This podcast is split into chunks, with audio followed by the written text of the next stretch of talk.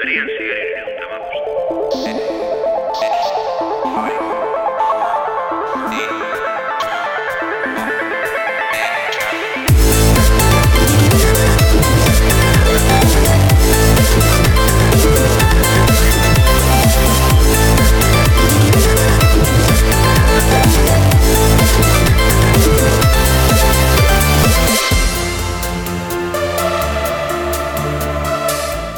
Urtean zehar izaten ditugun daten artean, ez teknologiaren munduan, baizik eta e, ogasunaren munduan, zergen munduan, errentako kanpaina izaten da, e, egun hauetan normalean azten dena eta ekainer arte lusatzen e, dena. Alde bi daukagu kasu honetan e, aurten batetik e, bizkaiko ogasunak aldaketa sakon asko egin dituela bere ogasuneko sisteman eta aurten e, bak sistema e, martxan jarriko dutela e, pertsona guztientzako. horrek alde hon asko dauzka e, adibidez guztiok identifikazio digital bat izango dugula gure etxean ezer gehiago egin gabe, baina arazotxoak ere sortu dira e, egoitza elektroniko horretara sartzerakoan. Beste alde batetik ere, e, arazoak egon dira e, Espainiako ogasunen malware batzuk agertu dira interneten e, kontu hau edo egoera hau aprobetsatuz eta batez ere erabiltzaileen konfidentza aprobetsatuz e, dirua ateratzeko e, pertsona batzuei.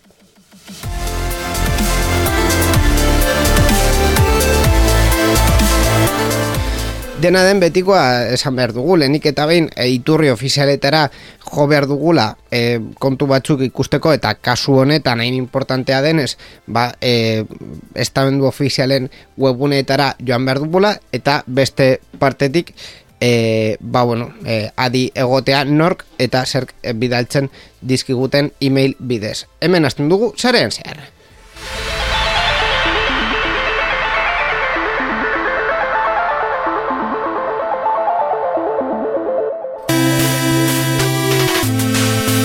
Sarean zearen parte hartu nahi duzu? Gure berriak iruzkin du? Ekitaldi bat kontatu? Gure hankasartzeak kritikatu? Erantzuna positiboa bada, bidali ezazu e-mail bat. Info abildua sareanzear.eus Gure WhatsAppa 6 sortzi sortzi 6 sortzi 00 sortzi bederatzi da. Telegram ere daukagu 6 sortzi sortzi 6 sortzi 00 sortzi bederatzi. Gure Twitter eta Facebookeko profiletan idatzi dezakezu ere. Eta ez ahaztu gure asteko agenda. Informazio guztia sareanzear.eus webgunean zuen mesuak itxaroten ari ditugu. Ah, bai? Bai.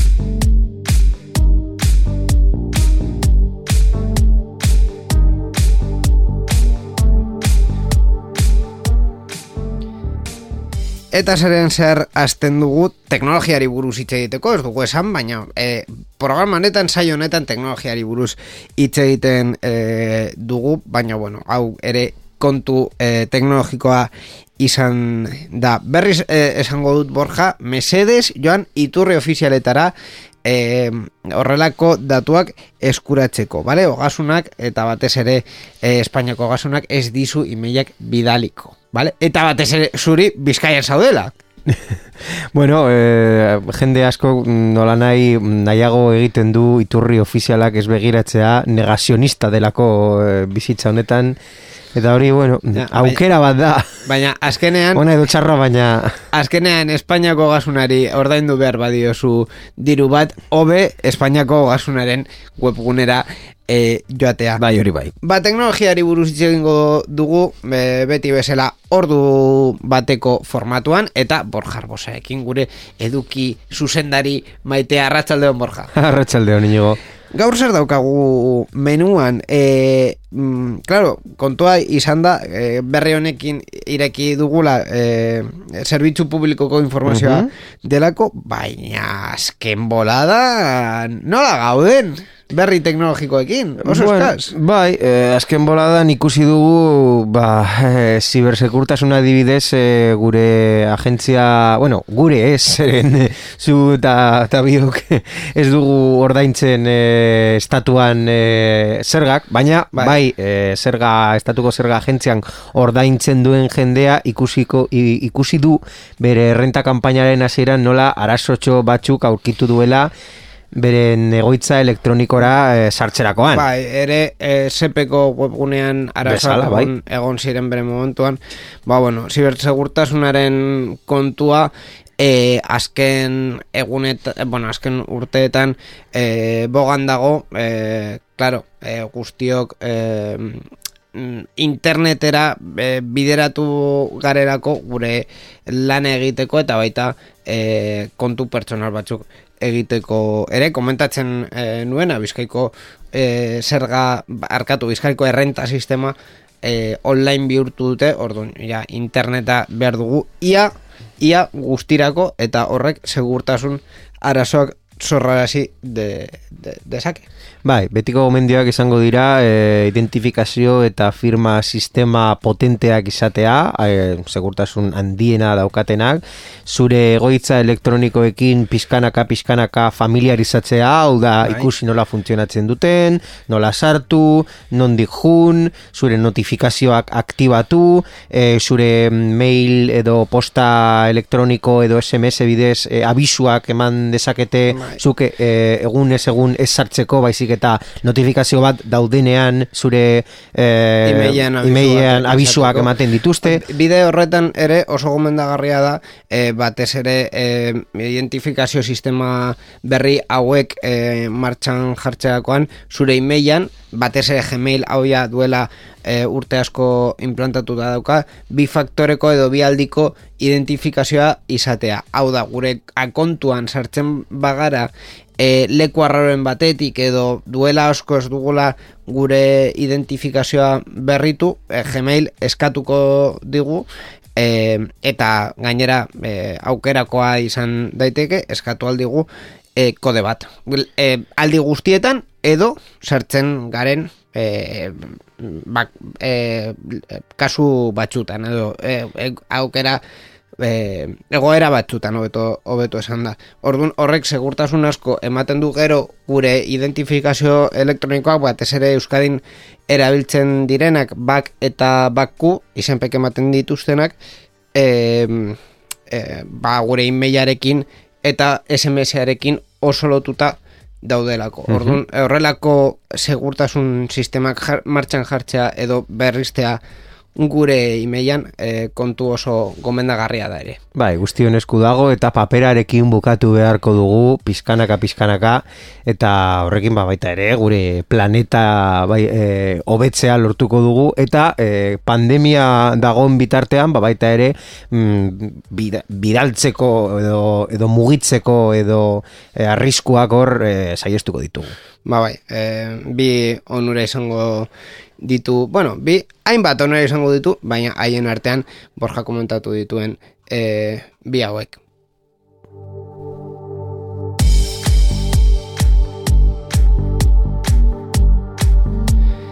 Eta beste berri teknologikoetan sartuko gara ordun, e, trafikoko zuzendaritza orokorrarekin e, normalean, ba bueno, e, hauei buruz hitz egiten e, dugunean duela gutxi uste dut e, trafiko karnet digitalari buruz hitz egin genuela, Bai. baina normalean hauek e, DGT e, beste kontuetara daude eta e, teknologia implantatzen dutenean segurtasuna eta mantentzerako bideratzen dute, baina e, kasu honetan aurkeztu dute aplikazio berri bat e, gure mugikorran instalatuko dena eta autoilarak eta estripoak saiestuko dituena. Bai, e, DGT, Gazteleraz Dirección General de Tráfico, desan duzun bezala, trafikoko zuzendaritza orokorra, prestatzen ari dan aplikazio berri, e, horrekin batera, sare handi bat zabalduko da, Espainiako errepidei buruzko alik eta informazio gehien biltzeko eta aplikazio batean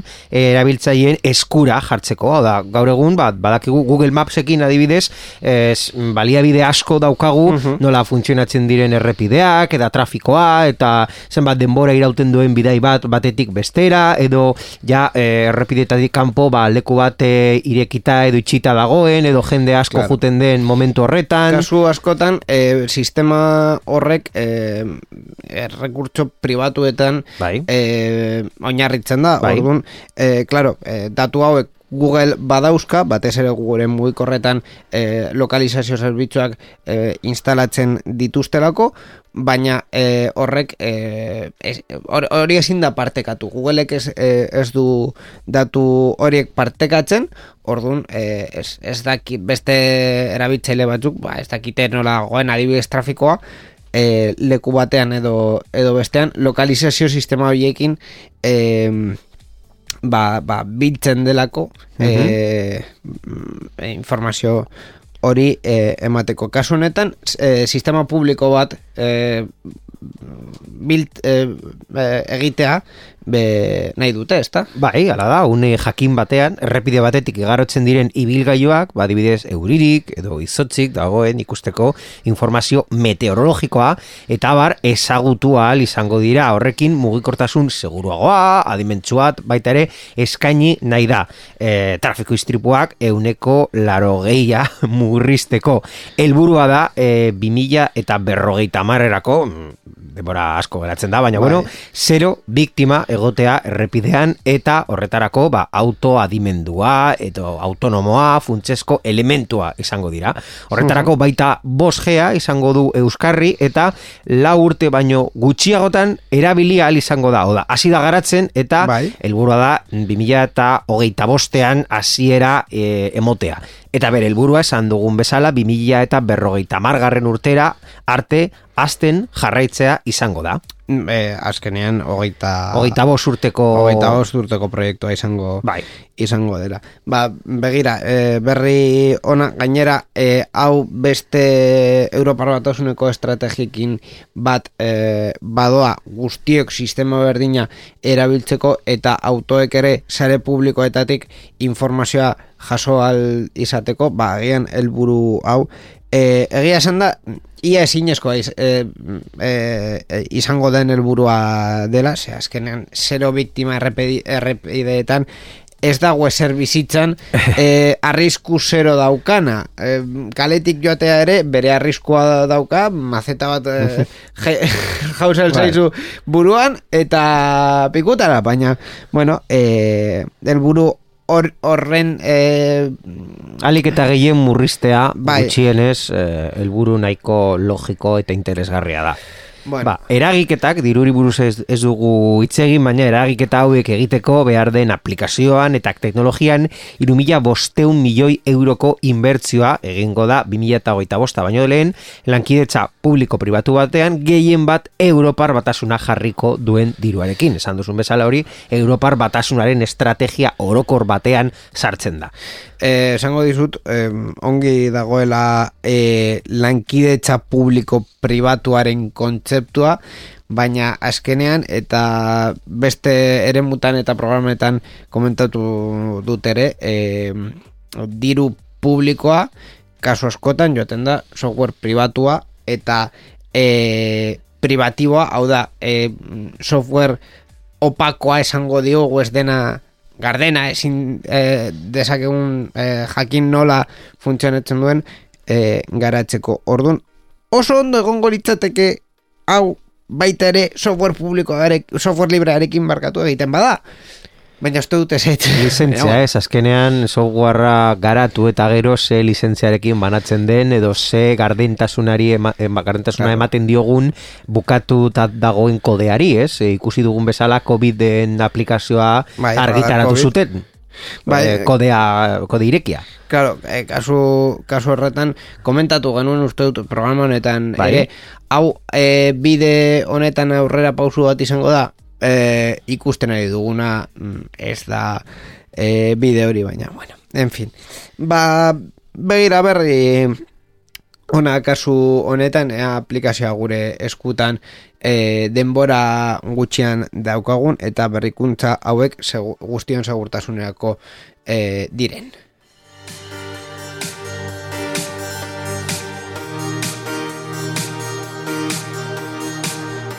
Guztion segurtasunerako ere e, urrengo berria Google funtzio berri bat zabaldu nahi duelako Androiden e, batez ere une oro mugikorrari begira dabiltzan jendearako.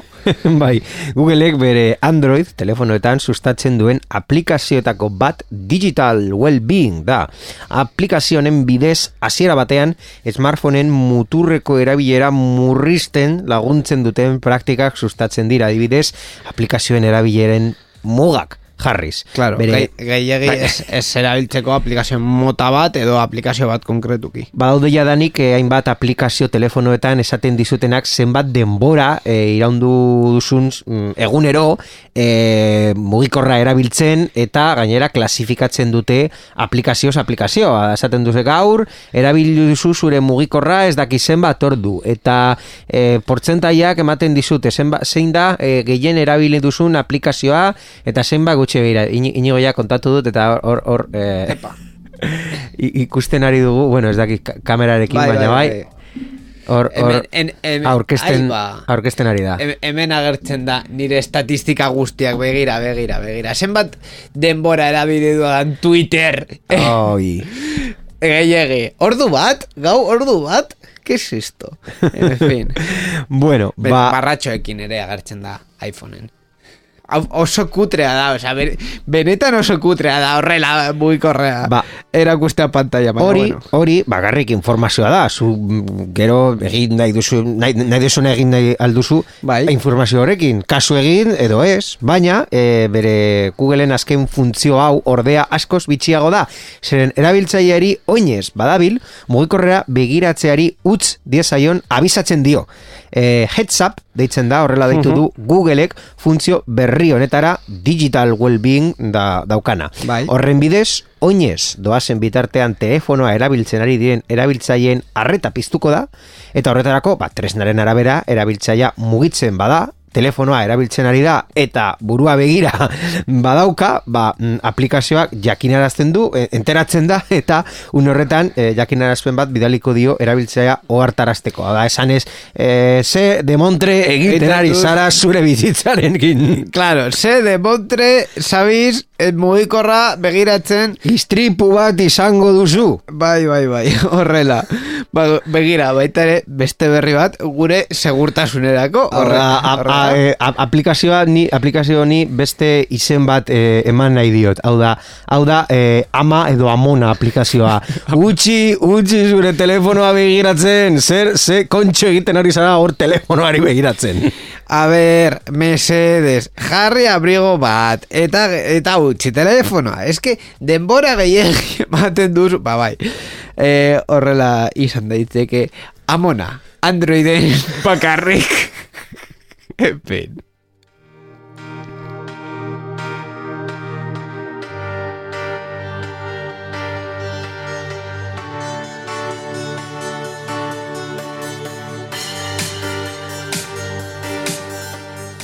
Beste kontu batzuk eh, komentatuko ditugu eta kasu honetan erosketetara joango gara amonaek gabe, baina bai eh, Microsoftekoekin gure laguna eta eh, ume guztien laguna ere.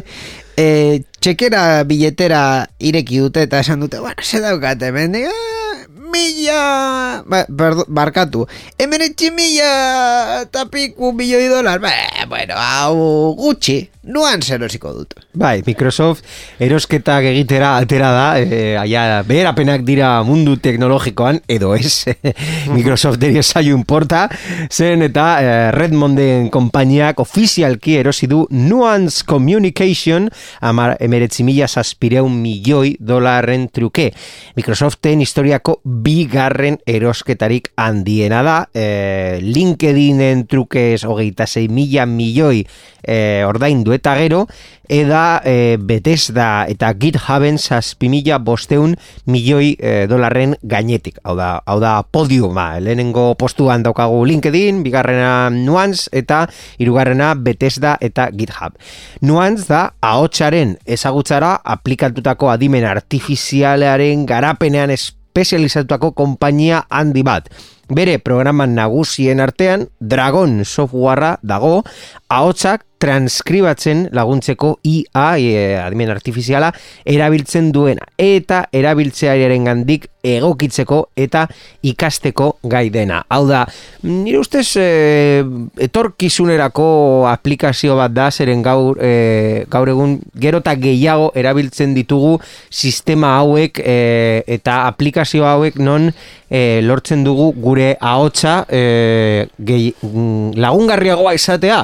Hau da, tekstuak idazteko, edota e, ba, Whatsappen ez, baina Telegramen audioak e, bidaltzen duen Ekiditzeko, edo, bai. edo zeini em, be- bedeinkapen bat da e, bot bat izatea non e, e, audio hori e, entzuten du eta be, mm, beko mezuan jartzen dizu ze kontxo bidali duen pertsona horrek ahotsarekin. Egi, egia esan da hori oso erosoa da, gubiok e, komunean daukagun Bof. e, talde batean e, daukagu eta azkenean e, ez du oso ondo egiten transkripzioa, Bueno. baina gutxienez ideia bat egin aldizu e, zer kontxo esaten duen audioa eta ja gero esaten duzu, bale, e, interesatzen zait, baina ez daki konkretuki ze esaten duen, entzungo dut audioa. Edo ez zait interesatzen. Ba, eta- batzutan, batzuen ahotsa edo nola espresatzen diren tekstuki jarrika ez, ez dauka Ez da zentzu askorik, baina bueno, gutxienez esan duzun bezala, mm, zertaz doan gauza, ba, interesatzen zait edo zein interesatzen gero entzutea hobeto enteratzeko. Dena den, Borja, ni eh, irudin bat eh, jarri nahi dizut zure buruan ahotsaren bitartez. Eh, Microsoft eh, erosketetan eh, erosketetan moduan Aha. sartu denean eh, ba, orokorrean Redmond guztian musika hau eh, entzun dugu.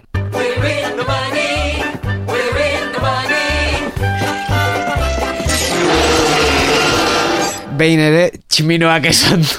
Botoiari eman eta nuan zero zi, oso ondo. Ba, bai, horrelakoak egiten ditu Microsoft. Eh, noiz behinka. Begira, Cortanaren eh, mm, ahots eh, sistema hobetzen badute. Ez, Ah, bai, ez du kontatu, kortan ahotsa- existitzen da.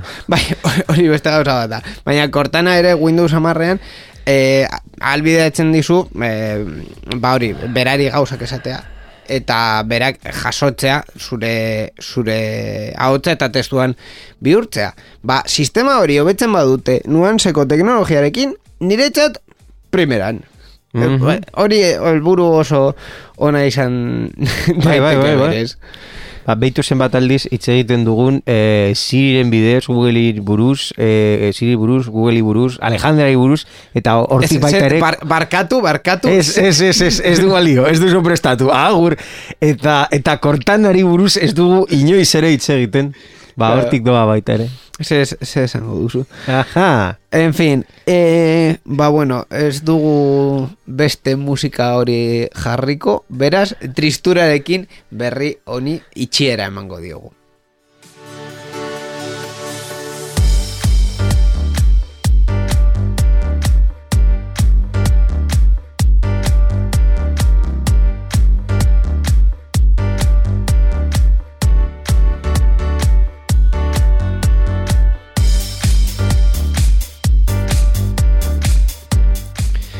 Beste kontuei buruz eta kasu honetan Microsofteko etxaiari buruz, etxaiak akotxan artean, e, etxaiari buruz hitz egiten, e, Apple neurriak hartu ditu konkretuki atzbete baten neurriak.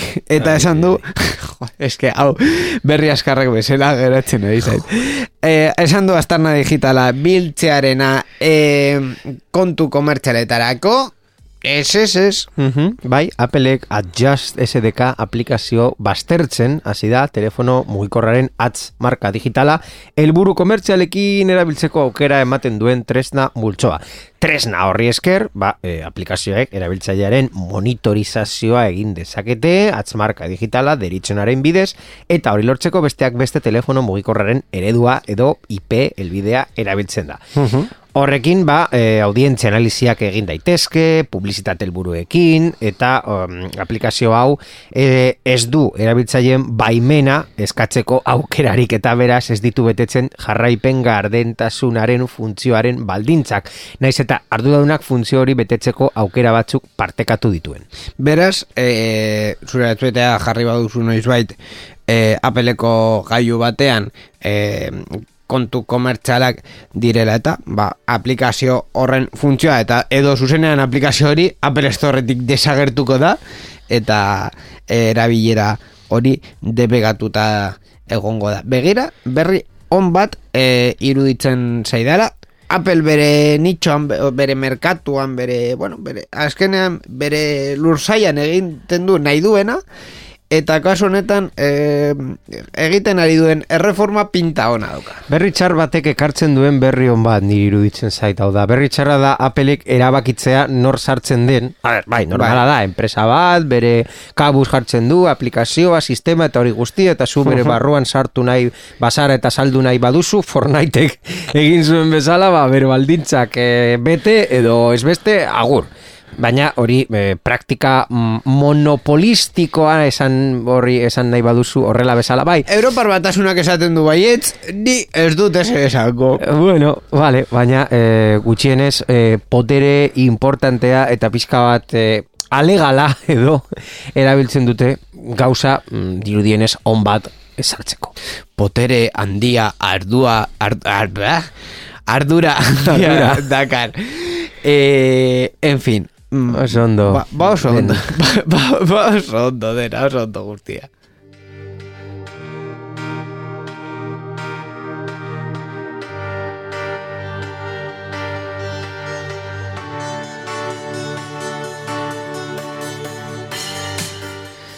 Eta gaur dauzkagun beste kontuetara joan baino lehen, beste kontuak eh, gaur direla berri askarrak eta titulol, ba, eh, bi berri motz, baina ez hain motz dauzkagu, e, nahiko motz, eh, mot, motz buruz esanez, e, nahiko motz geratuko zaigu gaur programa. Baina, bueno, eh, hori ez da e, problema. Eh, Bakoitzak eh, irauten du, iraun behar duena. Orduan, kontua, e, bi ekitaldi dauzkagula radarrean urrengo hilabeteetarako, benetan hiru e, momentu batean edo bestean Mobile World Congress ospatuko delako eta marka batzuk jasan dute baietz, beste batzuk esan dute ezetz, beste batzuk esan dute bueno, ez gara horra joango baina aurkezpen bat egingo dugu online data hoietan Mobile World Congressaren markarekin ekitaldia e, indartzeko eta, ka, eta kasu guzti horiek. Orduan ikusiko dugu zer den Mobile World Congressaren emaitza baina bitartean e, bi, beste bi ekitaldi dauzkagu Google I.O. eta eiru Google I.O. buruz edo Google I.O. buruz e, maiatzaren amazortzian izango dena Bai, e, Google io, maiatzaren amazortzian, itzuliko da, zeren niaz, COVID-19aren konfinamendu betean Googleetik, ba, garatzen urteroko ekitaldia, bertan bera, ustea, erabaki zuten. Era bat, hau da, ez online, ez ezer E, bai, hori da. Eta e, aurten, bueltan da, baina mm, beste ekitaldi teknologiko asko bezala, virtuala eta doakoa izango da guztientzat. Hau da, desberdintasun nagusia e, Google eta baitare komentatuko dugu E-iruarekin, Bai. desberdintasun nagusia Mobile World Congressarekin izango da, e, Mobile World Congressa gutxienez momentuz, fizikoki, e, presentzialki, e, hor bai, bertan, Berton Barcelona bai, egin, Barcelona egin egongo dira. nahi dela, e, baina galdera mm, beti mm, zenbat jende jungo da, hor e, ze arrakasta izango duen fizikoki egitea, baina bueno, hori beste eztabaida bat da eta mm, berriarekin e, hemen bukatuko dugu irakurtzen edo kontatzen, ba bere webgune Google webgune ofizialean iragarri duenez, ekitaldia maiatzaren 18tik hogeira bitartean izango da, posible da ekitaldirako izena ematea eta horrela itzaldietan, saio teknikoetan, galdera erantzunen bileretan eta gehiagotan parte hartzea. Apilaren amaieran egutegi oso bat eskainiko dute egun horietarako programazio osoarekin. Hmm, gainera, e, Google Ion normalean ez, eh, batzutan ez dute produktuak berez eh, aurkezten, beste batzutan bai, baina minimo teknologia interesgarriak aurkezten dituzte bai Androiden etorkizunari buruz, baita e, beste Googleko beste produktuei buruz. Eta hildo berean ere, eirua 2008 batean e, bueltan e, egongo da, pasaden urtean Google bezala bertan bera utzi zuten ekitaldia eta e, bere ordezkoa izan zen Summer of Gaming, esango genuke, e, aurten erabaki dute bueltatzea eta data betiko datetan e, egitea, e, doakoa, eta e, internet bidez digitala. Mhm, Bai, Entertainment Software Association erakundeak otsailean bai estatu zuen eiruaren ospakizuna eta ordainpeko pasabide bat erabil zezakela zioten zurrumurruen artean formatu digital hartuko duela azkenean doan izango dela esan du. Mhm. Bideojokoaren industriaen urteko biltzar nagusiaren antolatzaileek gezurtatu egin behar izan dute eduki batzuk eskaintzeko usteko eh, planak adierazten zituzten zenbait informazio ala nola premium paketeak edo erakustaileak hogeita mabos dolar inguruko tasaren truke. Orain ja, bosera maile batek esan duenez, eiru 2008 batean ez da elementurik egongo ordaindutako pase baten atzean. Gainera antolatzaileek Twitterren berretzi dute bertaratzen diren guztientzat doako ekitaldi bat eskaintzeko asmoa dutela. Mhm. Azkenean horrek e, asko dauka e, ba bueno, e, ekitaldiari e, indarra ere emateko beste, bueno, industriaren aktoreak ere hor egon behar e, egon behar direlako. Aurkezpenak beti betidanik izan dira e, doako, baina beste e, e, ekita, beste edukimotak ba, batzutan ordainezkoak e, izan dira. Bueno, beti dira e, izan dira doakoak internet bidez ikustea. Vale? Bertara joatea, ba, edo gonbidapen bitartez, edo prentsa basara, edo bestela, e, ordainpekoak izan dira. Ekainaren amabitik amabostera, eiru 2000 eta hogeita bat, bueltan dagoen ekitaldia. Eta, Beitu, pik, mm, denbora daukagunez, bai, pitonizo pizka bat jarri algara e, minutu hauetan. Home kristalesko bola hartuko dugu. Hmm, zer gertatuko da eiruarekin.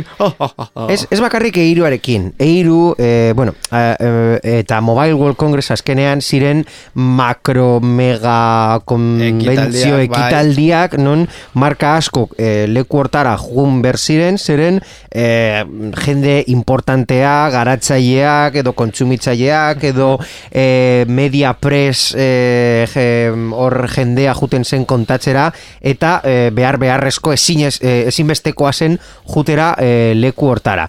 Ja, mm, bi urte pasata, hau da, pasaden urtean e, ekitaldi batzuk ezin ziren egin, beste batzuk egin ziren de, Online. online. Ja, urte honetan Mobile World Congressa esaten du nahi duela egin hor bertan, eta beste batzuk esan dute ez ez ez egingo dugu online, eta bitartean marka askok baita ere adaptatu dira, eta ja ez, hasi dira esaten zertarako, ziren nila egiten dut nire a, aurkezpenak, nire web orrialdetan, nire medio Eta- propioan garatu ditut, ez eta gainera- zertarako jun behar naiz Bartzelonara. Hau da, Ba- Bartzelona nahi du jendea jutea, zeren dirua Claro. hor eh, usten dute. Eta imaginatzen dut, e, eirua eh, Las Vegasen edo, Bai, Las Vegasen egiten zen. hor jendea pum pum pum, klin klin klin, e, Diru katxin asko- katxin. Diru asko jartzen du. Diru asko- Baina egia da, marka enpresa askok eh, ikusi dutela gainera bere aurkezpena egun random batean egiten ere eh, komunikabideen eh, arreta bere ganautu aldutela beste edonorrekin ez dutelako konpetitzen. Zenbat aldiz eh, hitz egin dugu ekital, eh, programanetan ekitaldiei buruz non esaten duzu ba, eh, uste dut zesean zela E, ba bueno, zesean telebistak aurkeztu dira. Bai. Eur- Orokorrean a- aztertzen duzu e, ekitaldi bat eta ez dituzu e, xehetasunak edo produktu interesgarriak e, ikusten kasu, kasu askotan, orduan e, erronka horretan e, enpresa askoren erantzuna izan daiteke, ba bueno, ni e, online ekitaldia e, antolatzen dut eta gainera prentza e, gonbidatu edo edo prentsaren arreta e, izan alba dut, ba, nire txat izango da bakarrik, ez be, nire sektorearen kompetidore guztiekin batera. Ni- Nire galdera da, eh, zenbat ekitaldi tradizional eh, bertan dire. eta zenbat bertan behera geratuko dira eh, pandemiaren ostean. Hau da, zenbat enpresa konturatuko dira ja eh, leku honetara jutea inbertzio eta denbora mm, gehiegi behar duela beren errendimendua konparatuta. Hau da, produkto fisiko bat aurkeztu nahi baduzu agian, agian, oraindik geratzen zaizu, baina eske produkto fisiko bat ja gaur egun eh, daukazu mm, berreun, bosteun periodista, influencer edo nor, bidali alduzula eh, produktua beren etxeetara, pertsona horiek egiten dizute unboxing review, ez daki zer, badaki zer, Eta na, na, na, na, na, guztietan zaude, publikatzen berean, eta duzu jazta. zure review eta nahi duzuna, eta ja ez duzu zer, zertarako jun behar leku horretara hiru lau prototipoekin non esan behar diozu jende, eh, hau ez, as- asko esikutu eh, puskatzen dela. Claro. Eh, mm, zenbat gauza aldatuko dira pandemia Claro, eh, hildo horretan ni esango dizut nire nire refleksioa edo nire pentsamendua uste dut eh, balio gehigarria ematen dituzten ekitaldiak eh, mantenduko direla eta beste guztiak pikutara joango direla. Eta adibide bat jarriko dizut. Fan and Serious Game Festival eh, suposatzen dela eh, eh, ba bueno, eh, bideojokoen festival bat eh, dela mm, euroaren ideiarekin egin da gutxi gora bera horrelako zerbait, Mhm. baina egia esan da markandiek ez dute aurkezpenak egiten eta hor e, presentzia gehiago dauzkan e, dauzkaten enpresak dira enpresa txikiak. E, oiei balio oso handia ematen diote e, fanes irusean egotea, batez ere e, ez daukatelako... Ez daukatelako hainbeste e, publiko e, hiru egun hoietan baino, ordun e, enpresaioi mm, e, ba, ba, azkenean aprobetxatu aldute esperientzia hori eta beste guztiok ere ikusi eta e, haiekin hitz egin dugu e, bere produktu eta bere proiektuei buruz. Orduan, suste duzu ekitalde hauek birmoldatuko direla era bat eh, enpresa txiki ertainak Bir- edo... Birmoldatu edo hil. Bai, era, bueno, era batera edo bestera, adibidez, e, em, Santanderren ospatzen zen e, telekomunikazioen Topaketa, bai. topaketa, nik uste dut e, egun batean edo bestean, e, bestean e, hilko dela, azkenean e, zerbait interesgarria egiten zuen bakarra, zelako joigo, joigo bere momentuan e, Mas Mobil taldean ez egoenean e, kriston gorkezpenak egiten zuen eta show pizka bat ematen zuen eta beste enpresek ere gauza interesgarriak esaten zituzten baina azken bi urtetan, bi urtetan ez dugu horrela, horrelako ezer ikusi, orduan ekitaldi hori ja ez dauka ez da presentzian dirik komunikabideetan. Orduan, e, e, jarraituko dute antolatzen? Ziurrenik baiet, e, unibertsitate pribatu bat antolatzen duelako, eta dirua daukatelako horretarako, baina ez du errelebantzarik, eta ez du garrantzirik gaur egun, zero. Ba, hor usten du gure ausnarketa. A ber, ze pentsatzen duzuen eta nola birmoldatzen den egoera eh, pandemiaren ostean. Hor usten dugu gure hausnarketa, erritmo aldatuko dugu eta dena pres badaukagu jango gara orain bertan berri askarretara. Berri askarrak, sarean zehar. Eta berri askarrek ere kitzeko daukagun lehenengo berria, Yahoo erantzunak, Yahoo respuestas dela, e, erantzunak egi- e, mateari utziko diola, amasei urteren ondoren. Bai, plataforma hau 2000 eta bostetik eh, jarri zen martxan, garai hartan interneteko erraldoia zen eh, Yahoo, orain ja beraizonena dena, sortu zuenean Jarraitu, jarraitu, ez da ezer gertatu. eta sareko galdera erantzunen atari ezagunetako bat bihurtu zen. Baina orain ja, eh, Yahoo erantzun horrealde nagusiak, ba, mesu bat eh, erakutsi die erabiltzaileei zerbitzuen amaieraz ohartaratzeko eta amasei urteren ostean behin betiko itxiko dutela iragarriz. Yahoo azkenean erantzunik gabe geratu da. Eta bigarren berrian, Apple e, aldaketa batzuk egingo ditu bere siriko e, laguntzailean eta ez du aimakumezko ahotzik lehen etxiko. Bai, Appleren sistema eragilaren azken bertzioak, Siri laguntzailearen ahots femeninoa ezabatuko du eta erabiltzaileak Bueno, bueno, a ver, esabatu, esabatu, esabatu, esabatu. aukera emango du. Erabiltzaileak gizonezko ahots bat aukeratu ahal izango du laguntzailearen konfigurazioa egiten duenean. Oda, udaberriaren amaieran kaleratuko den beta bertsioak berrikuntzak hauek ditu zirin eta horri esker erabiltzaileak hasiera hasieratik zehaztu ahal izango du zein ahots mota nahi duen maskulinoa edo femeninoa. E, Siri orain dibertsoa izango da guztientzako LGTBIQ Siri berria Appleen eskuz. Eta azkenik Frantziak lege bat onartuko du etxeko hegaldiak debekatzeko. Bai, e, karbono isuriak murrizteko neurri gisa Frantziako legegileek lege berri bat onartu du herrialdean hegaldi nazional batzuk debekatzeko.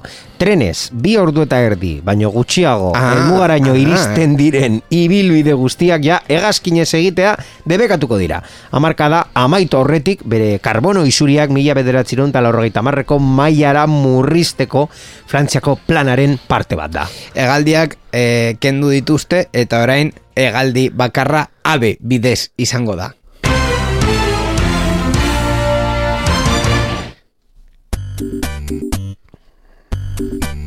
Titulol. Atal honetan titulonen atalan, e, arridura gutxi izan baduzue azken txiste honekin, telita, esan dudana, eh? Be- beste arridura bat bilatuko dugu nirea konkretuki, e, borjari utzi diot mm, potere guztiak e, berri bat bilatzeko eta nire sorpresa arridura eta emozioa e, bilatzeko ere eta horren emaitza berri hau izango da. ba, beitu, e, Yahoo erantzunak horren Bueno. itxiera e, zure txat palo bat izan bada, ez keskatu. Ez hainbeste. Ez Ba. pentsa, hor tremenda mierda zegoelako. Norbaitentzat palo bat izan bada ez keskatu. Australiako osasun saiak is it true izeneko horrialde bat sortu du desinformazioaren aurka porrokatzeko asmoz.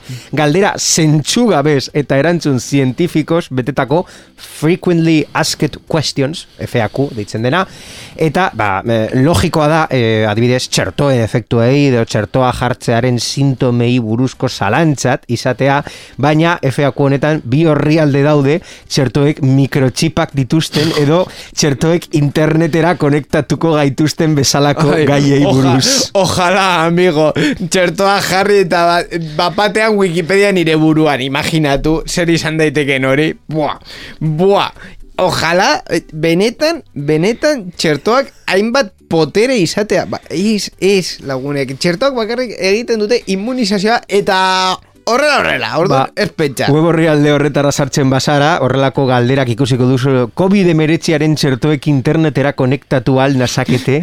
Eta hori hor gobernuak argi utzi du ezinezkoa dela logikoa izan arren. Txertoen osagai guztiak zehaztuta daude eta osagai guztiak biologikoak dira. Frequently asken question hori eh, RNA mesulariaren txerto batzuetan mikrogelen erabilera zehazten da, baita ere txertu gorputzean politiko pliki barriatzen joateko.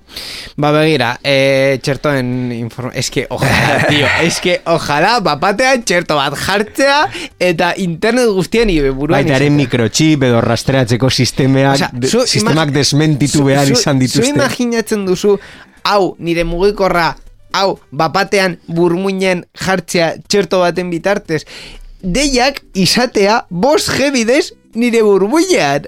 Osea, izango litzateke sekulakoa. Ba, ez, eh, bakunak ez daukate hainbeste potere. En fin, eh, kontu honekin bukatuko dugu ja. Ez, ez, ez, ez, ezin dut, ezin dut gehiago. Ja, que, gauza batzuk kontatzen dizkidezu ez, ez ditu da ulertzen. Horretarako dago titulol. Bai, hori egia da. Irratsaio hau Creative Commons aitortu ez komertziala partekatu berdin lau nazioarteko lizentziarekin banatzen da. Horrek esan nahi du gure edukiak nahi beste partekatu ditzazkezula. Informazio gehiago nahi baduzu josarean zehar.eus webgunera.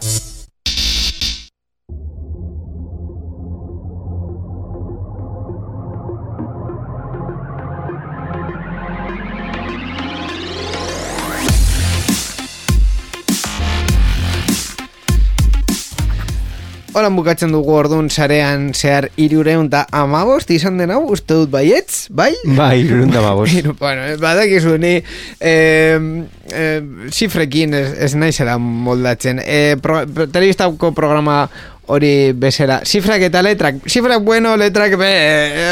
Ba, zifra bat gehiago emango dizut, bost programa geratzen dira denboraldi hau bukatzeko. Oh, bakarrik. Bas. Bueno, Borja, bost programa geratzen direnean, eh, denboraldi guztien eh, galdera egingo dizut. Denboraldi berria izango dugu. Bueno, itxoin, itxoin, bost programa geratzen dira. Ja, azkenengo programan ja galdera egin eta... Bi hilabete eta erdi, baino gehiago dauzkagula aurrean, orduan... eh, Disfrutatu eta gero ja galde, galderak E, egin. egia esan da, denboraldi hau nahiko disfrutatzen nahi dut. Azkenean, martxa hau hartu dugunean bi astetan behin egiten eta bar, oso eroso sentitzen naiz, zarean Ez, zarean. ez, ez doa gaizki, ez doa gaizki. Ez doa gaizki. On, hori, berri on bat da. Ba, bueno, Borja, eskerrik asko gurekin egoteagatik, bi aste barru, e, informazio eta berri gehiago zure eskuz. Eskerrik asko inigo eta baita ere entzule guztioi, urrengo saior arte.